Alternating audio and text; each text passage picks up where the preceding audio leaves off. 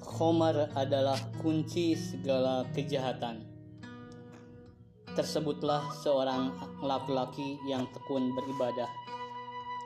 Lalu orang-orang yang mempunyai kekuasaan saat itu hendak merusaknya dengan memaksanya melakukan sebuah dosa besar. Di antara dosa-dosa besar yang mereka sodorkan kepadanya, dia memilih meminum khamar, minuman keras. Dengan asumsi itulah pilihan paling ringan. Ternyata Homer menjerumuskannya ke dalam semua dosa.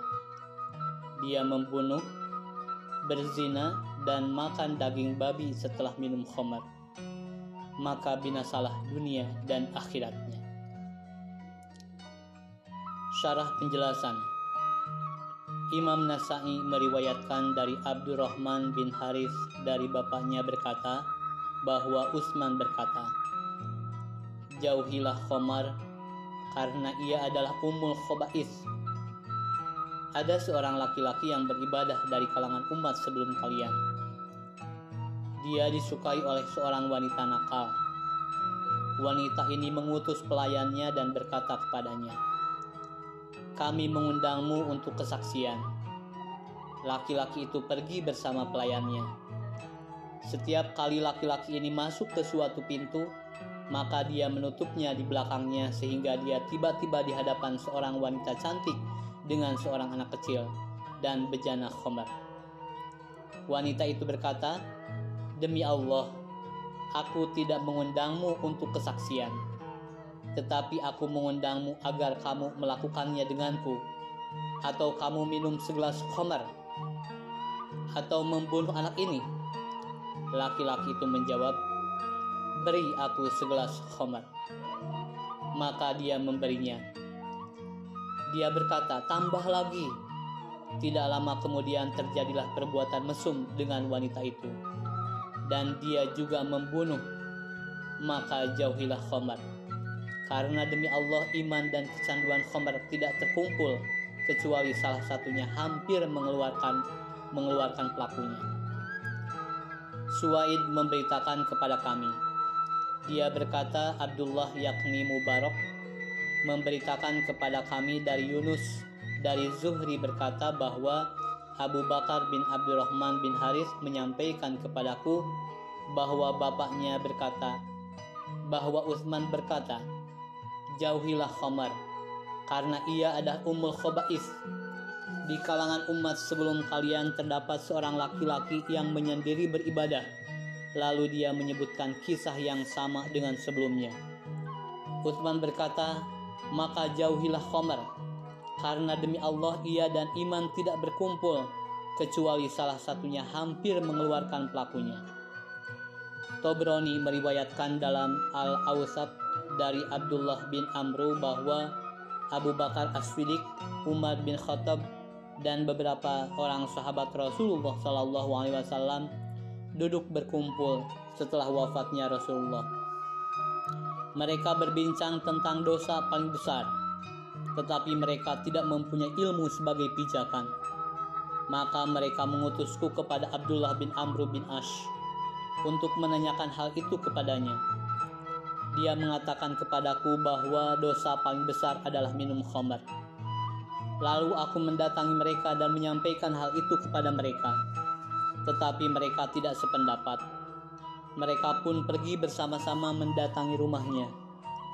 Saat itulah dia menyampaikan bahwa Rasulullah bersabda, "Ada seorang raja dari Bani Israel menangkap seorang laki-laki.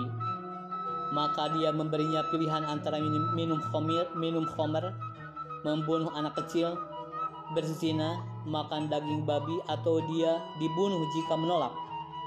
Dia memilih minum khamar. Begitu dia minum, dia melakukan semua permintaan raja kepadanya.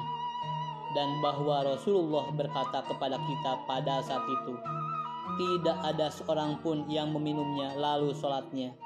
Tidak diterima selama 40 malam dan tidak mati sementara di jalan kencingnya terdapat sedikit khamar kecuali diharamkan dari surga jika dia mati dalam 40 malam itu maka dia mati dengan cara jahiliyah Yang nampak bagiku dari pengamatan dan perenungan terhadap dua hadis tersebut adalah bahwa keduanya menjadi satu peristiwa yang terjadi pada masa-masa kerusakan yang merajalela di kalangan masyarakat Bani Israel. Dan kelihatannya laki-laki ahli ibadah ini adalah laki-laki yang terkenal. Mungkin dia mempunyai kedudukan terhormat atau dia termasuk penasihat raja atau termasuk orang yang mempunyai banyak pengikut di masyarakatnya. Raja khawatir ibadah orang ini mempengaruhi orang-orang di sekelilingnya. Raja seperti selalu berusaha merusak orang-orang seperti laki-laki tersebut. Dan sepertinya rajalah yang meminta bahwa nakal itu untuk melakukan tugas tersebut. Maka wanita ini meminta memilih melakukan satu dari dosa-dosa besar yang dia sodorkan dan zohir hadis menunjukkan bahwa mereka ingin menghancurkan makna iman dalam dirinya dan mengotorinya dengan berbuat dosa besar. Tidak penting bagi mereka mana yang diperbuat. Yang penting dia melakukan sesuatu yang menjauhkannya dari agamanya dan memutuskan hubungannya dengan Tuhannya. Dengan tipu muslihat, wanita itu berhasil membawanya ke rumahnya. Dia memintanya hadir untuk kesaksian orang baik tidak menolak ajakan untuk menjadi saksi, karena hal itu berpahala. Dan sepertinya laki-laki ini lugu. Jika dia cerdas, niscaya dia akan berhati-hati dengan membawa rekan yang bisa mengacaukan rencana wanita ini di belakangnya. Ketika dia masuk ke rumahnya, pintu di belakangnya dikunci dan dia menjadi tawanan di hadapan wanita itu. Yang nampak dari hadis bahwa wanita nakal ini adalah wanita kaya dan tinggal di rumah yang mewah. Dia bukan pelacur yang mencarikan zina sebagai penghasilan hidup. Wanita ini dari kalangan atas yang mempunyai tempat di sisi keluarga penguasa yang gemar mengumbar perbuatan keji.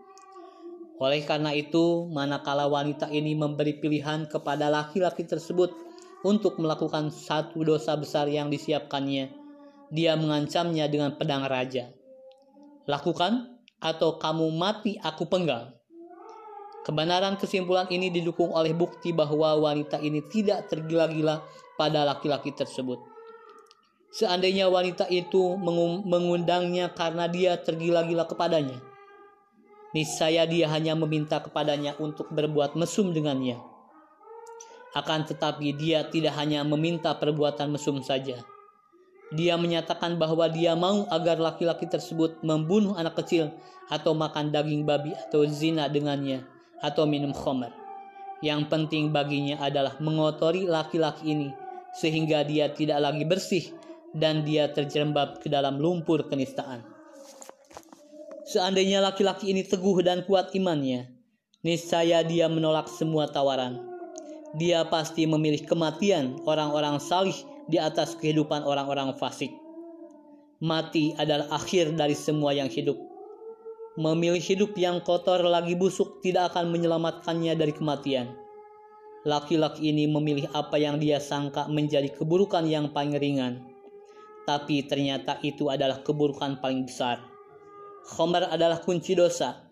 Dia minum lalu mabuk dan kehilangan kendali pada saat itu dia melakukan seluruh dosa besar yang disodorkan kepadanya. Dia membunuh, berzina, dan makan daging babi. Rasulullah Shallallahu Alaihi Wasallam telah menjelaskan di penghujung hadisnya tentang akibat-akibat yang membahayakan dari khomer. Sholat peminumnya tidak diterima selama 40 malam. Jika dia mati sementara di dalam tubuhnya terdapat sesuatu darinya, maka surga diharamkan atasnya jika dia mati dalam jangka 40 sejak dia meminumnya, maka dia mati dengan cara jahiliyah. Wallahu a'lam. Semoga Allah menjauhkan kita dan keturunan kita dari segala dosa besar yang bisa memancing bencana dalam kehidupan kita.